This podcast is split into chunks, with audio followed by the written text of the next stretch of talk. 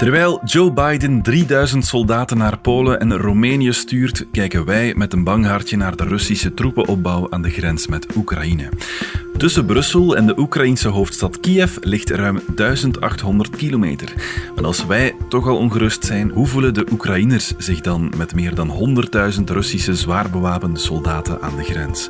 Onze collega Roland Termote trok zijn combat shoes aan en is het ter plaatse gaan ondervinden. Het is vrijdag 4 februari. Mijn naam is Niels de Keukelare en dit is vandaag de dagelijkse podcast van de Standaard.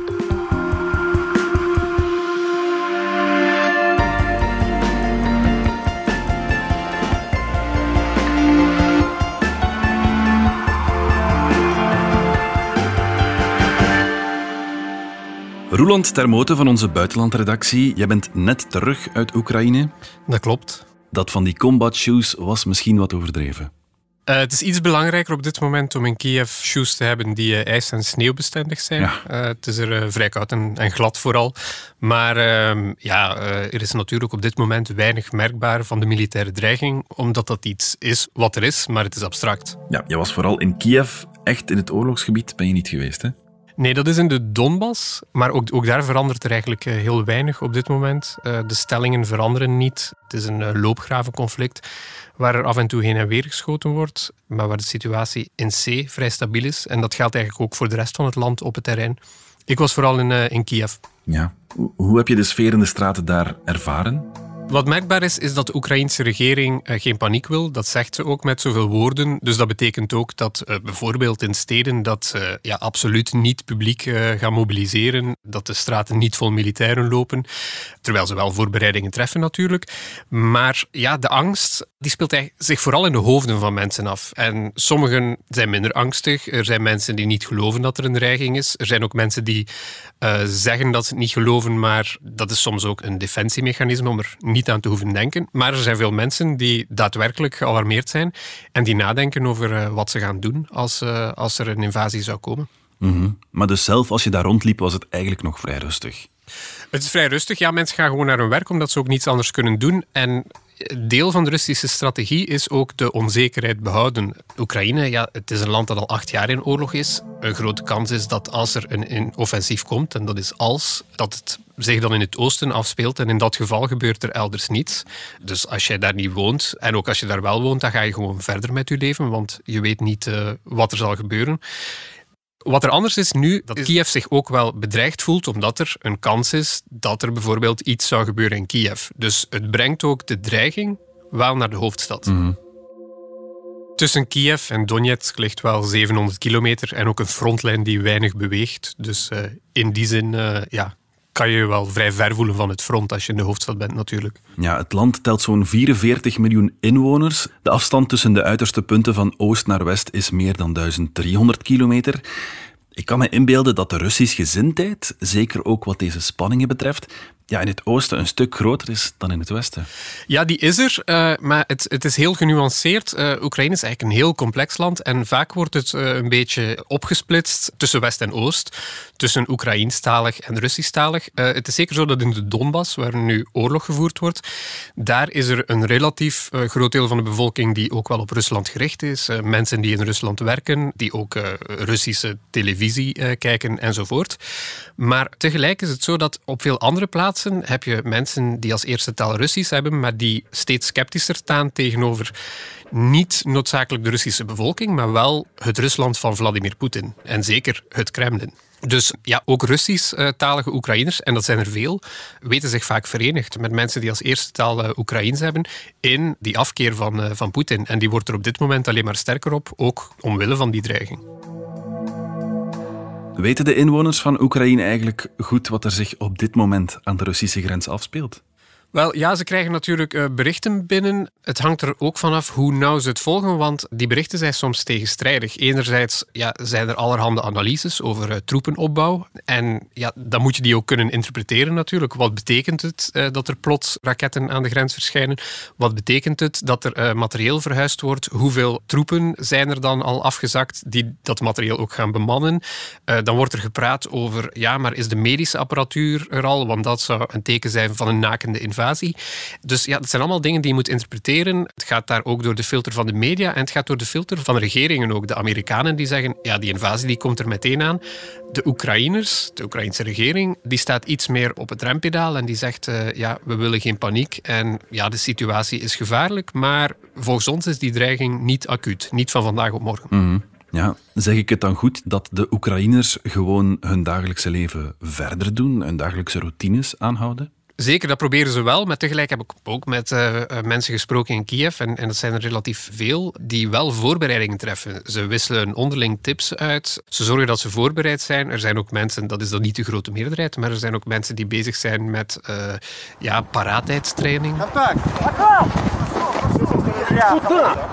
Wat als ze plots in een gevaarlijke situatie komen te staan? Anderen zijn al voorbereid, want hebben in het leger gezeten. Die, die rugzak staat altijd klaar. Veel Oekraïners zijn ook klaar om terug het leger in te gaan. Anderen zijn misschien al plannen aan het maken om te deserteren en op de loop te gaan. Dat is uh, ook een optie natuurlijk. Dus uh, veel mensen zijn zich uh, mentaal aan het voorbereiden. En, en dat is iets wat je wel voelt. En ze proberen ook de tekenen te lezen dat er iets zal gebeuren. Als de VS zegt, wij halen onze mensen, dus ons diplomatiek personeel, de families van diplomatiek personeel, Amerikanen in Oekraïne, wij halen die terug dan heeft dat ook een effect op veel Oekraïners die denken van, hmm, dan is er misschien toch iets aan de hand. Een van die mensen die mij vertelde over hoe hij zich aan het voorbereiden is en hoe hij een rugzak aan het klaarmaken is, wat er allemaal in steekt, dat is een mensenrechtenactivist, uh, Maxim Butkevich. Die woont in Kiev, die heeft ook uh, Maidan uh, meegemaakt, Euromaidan in 2014. En die zegt, ja, zijn buikgevoel vertelt hem dat het allemaal te gek voor woorden is, maar tegelijk, Oekraïne heeft heel veel gekke dingen zien gebeuren die te gek voor woorden waren acht jaar geleden en het nu niet meer zijn. Dus bereiden ze zich ook voor op het ergste scenario soms. Mhm. Alleen is de vraag, wat betekent dat? Uh, je kan je rugzak klaarmaken, maar waar ga je dan heen? Je kan naar het westen trekken, want daar is het veiliger. Maar stel dat het ooit ja, daarop aankomt, dan zitten de wegen vol. En, en dan sta je misschien ook uiteindelijk, als je verder wil, sta je aan de westelijke grens. Op dat moment, hoeveel mensen laat Polen binnen? In welke mate word je met open armen ontvangen door de Europese Unie? Het zijn allemaal vragen die mensen zich nu, nu aan het stellen zijn. Ja, de Oekraïners hebben wel al wat meegemaakt. Hè? Je mm. zei daarnet 2014, dat was een kantelpunt misschien wel. Ja, zeker. Wel, in eind 2013 uh, begonnen de Euromaidan-protesten in Kiev. En ja, enkele maanden later werd de Krim, dus een deel van het land, geannexeerd uh, door Rusland. En uh, ja, het oosten van het land, daar had je de separatisten die plots een oorlog deden ontvonken met Russische steun. En sindsdien is het land ja, eigenlijk bevroren een beetje in die positie. En dat is iets wat ja, veel erger is dan velen voor mogelijk gehouden hadden bij het begin toen de sfeer vrij optimistisch was. Hoe kijken de Oekraïners nu naar het Westen als mogelijke bondgenoot in dit conflict?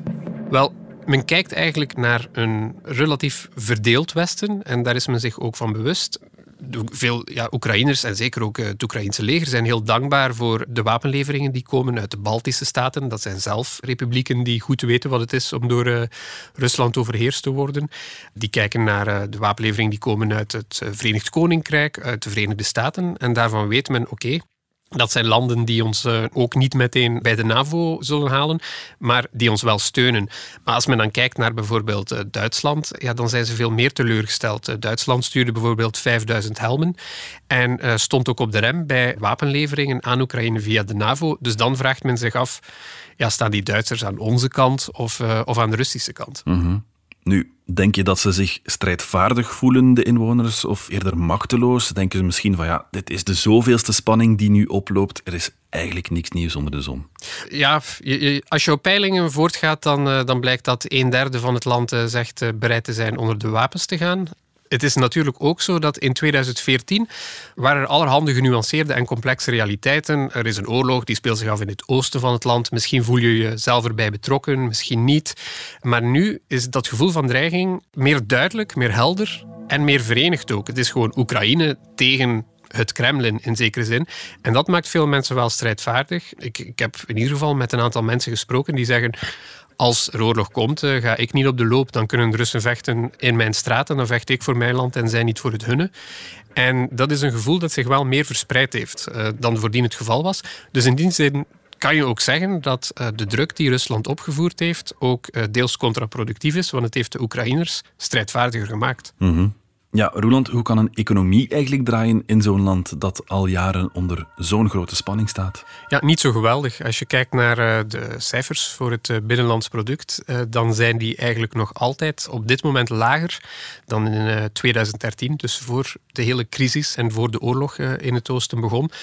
Het is ook een land met enorme corruptieproblemen. Het is in grote mate ook afhankelijk van steun van het Westen.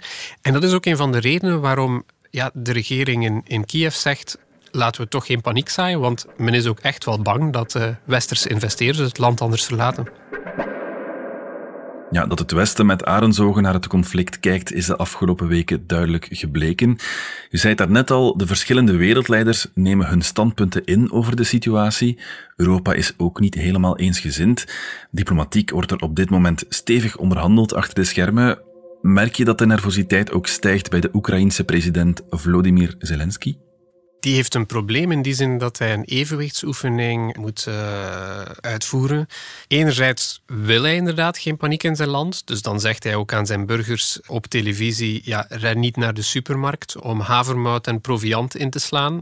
Ja, dat is iets wat natuurlijk ook niet noodzakelijk eh, de zenuwen echt bedaart. Nee. Anderzijds is het ook wel belangrijk eh, voor hem dat het Westen snapt hoe urgent eh, de dreiging is.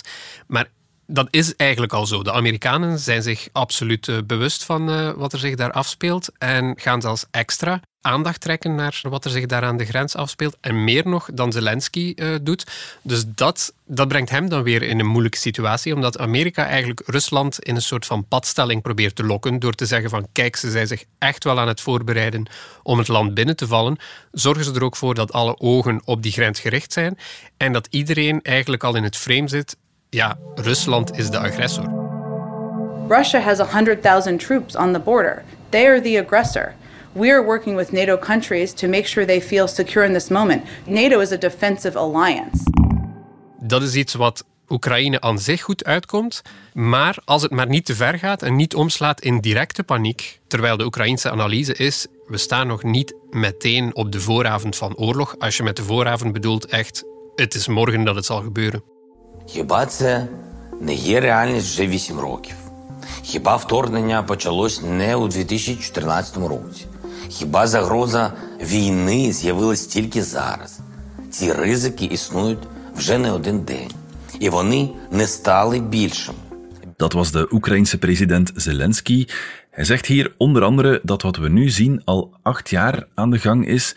Ja, Roland, volgens hem is er amper iets veranderd. Wel, ja, er is al acht jaar oorlog. Wat er natuurlijk anders is, is dat er uh, sinds uh, april vorig jaar een enorme troepenopbouw is aan de grens. En die is ook dynamisch. Alleen kan je die op verschillende manieren lezen. De VS uh, kijkt daarnaar, de Oekraïners kijken daarnaar, Europese mogendheden kijken daarnaar. Die zien allemaal dezelfde troepenopbouw, maar die trekken soms wel andere conclusies over ja, de urgentie van die signalen. Staat Rusland echt op het punt aan te vallen en zien we daar de tekenen voor? Daarin verschilt de analyse en dat heeft deels te maken met de positie die men inneemt en de onderhandelingsstrategie ten opzichte van Rusland. Amerikanen willen Rusland voor het blok zetten. De Oekraïners die willen veilig zijn, maar tegelijk ook niet dat een economie keldert. En de Europeanen die willen zich ook niet laten meeslepen door de VS en ook een eigen strategie tegenover Rusland blijven aanhouden.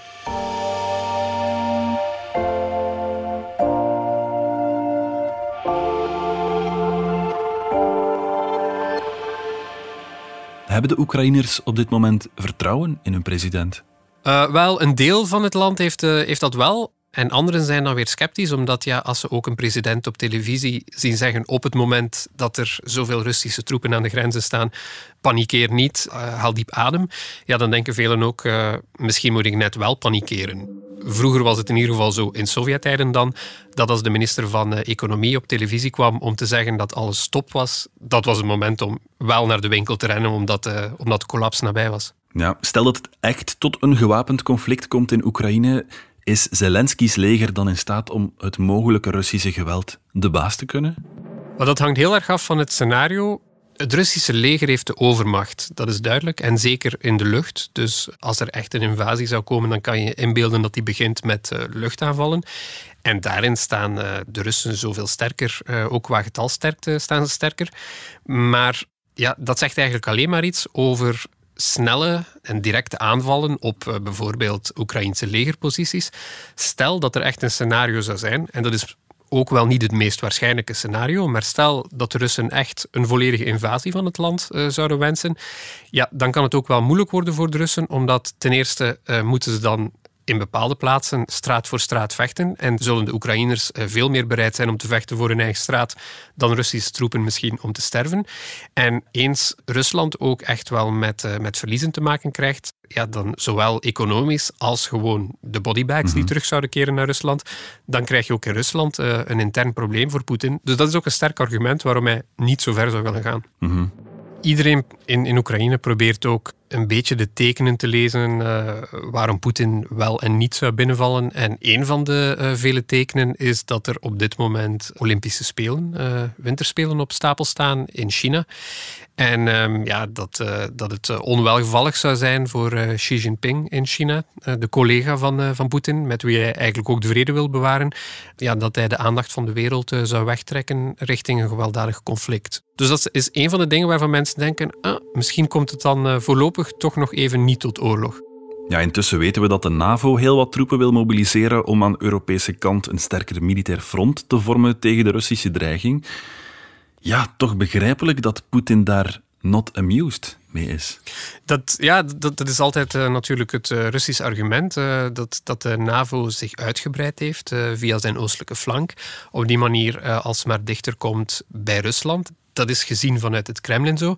Anderzijds moet je daar tegenover stellen dat die uitbreiding van de NAVO gebeurd is met de wil van de landen die erbij gekomen zijn. De Polen bijvoorbeeld stonden absoluut te springen om bij de NAVO te komen. De, de Balten die zijn heel enthousiast over de NAVO. Dus het is ook een proces waar die landen zelf op aangestuurd hebben. En ja, soms is het ook belangrijk, denk ik, om te kijken naar uh, wat willen de mensen zelf daar. En daarbovenop heb je dan inderdaad ja, het, het spel van, uh, van invloedssferen. Oké, maar op dit moment zijn ze nog niet aan het vechten. Laat ons hopen dat het niet zo ver komt. Waar staan ze nu wat de diplomatieke onderhandelingen betreft? Wel, iedereen heeft zijn posities kenbaar gemaakt. En ondanks het gevoel van urgentie dat er de afgelopen weken was, en wat ook wel aangewakkerd is door de VS, zijn nu terug de diplomatieke onderhandelingen eh, lopende. We zitten eigenlijk in een padstelling waar het Westen niet toegegeven heeft aan bepaalde eisen van uh, Poetin. En uh, de vraag nu eigenlijk is, ja, neemt hij daar vrede mee? Probeert hij zich toch nog uit die padstelling te wurmen? Uh, dus ja, nu, nu, zitten we eigenlijk te kijken, wat wordt dan de volgende stap op ja. een moment dat Poetin niet helemaal die aanvankelijke objectieven bereikt heeft? Roland, wat denk jij dat het conflict kan ontmijnen? Wel, zoals het er nu voor staat, ja, zit je in een positie waar eh, Vladimir Poetin, als hij zich nu terugtrekt, uh, dan heeft hij eigenlijk kosten geleden en leidt hij ook mogelijk uh, gezichtsverlies, zonder dat hij er veel voor teruggekregen heeft in termen van concessies vanuit Oekraïne of vanuit het Westen. Dus ofwel kan hij nog steeds voor de aanval gaan met alle risico's van dien, ofwel is er misschien toch iets, zijn er kleine gebaren of, of kleine acties die ervoor kunnen zorgen dat Poetin eigenlijk uit zijn uh, huidige stelling kan komen. Uh, daar zijn allerhande voorstellen voor. Bijvoorbeeld ja, de Belgische onderzoeker Sven Bisschop, die zegt bijvoorbeeld als je wil, zou je gewoon als NAVO kunnen zeggen, ja, die neutraliteit van Oekraïne, daar zijn wij het mee eens. Oekraïne moet een neutraal land zijn tussen de NAVO en Rusland. En in ruil moet je dan concessies van de Russen krijgen. Bijvoorbeeld uh, het feit dat de Russen uh, Oost-Oekraïne dan toch gewoon netjes teruggeven. Misschien niet de Krim, maar aan Oekraïne. Nu, de vraag daar is, is dat iets wat Poetin zou willen? Is dat iets waar de NAVO en dan vooral ja, bijvoorbeeld de VS zich in kan vinden? Want uiteindelijk zou het dan ook betekenen dat interne NAVO-politiek toch onder druk van Rusland uh, verandert. En ten derde, de Oekraïners, die nog steeds baas zijn in eigen land, die moeten ook mee willen. Dus het blijft een heel, uh, een heel moeilijk spel van evenwichten. Oké. Okay. Roland Termoten, dankjewel. Graag gedaan. Dit was vandaag de dagelijkse podcast van de Standaard. Bedankt voor het luisteren.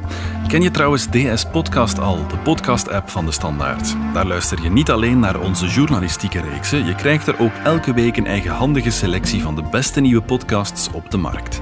Alle credits van de podcast die je net hoorde vind je op standaard.be-podcast. Reageren kan via podcast.standaard.be. Maandag zijn we er opnieuw.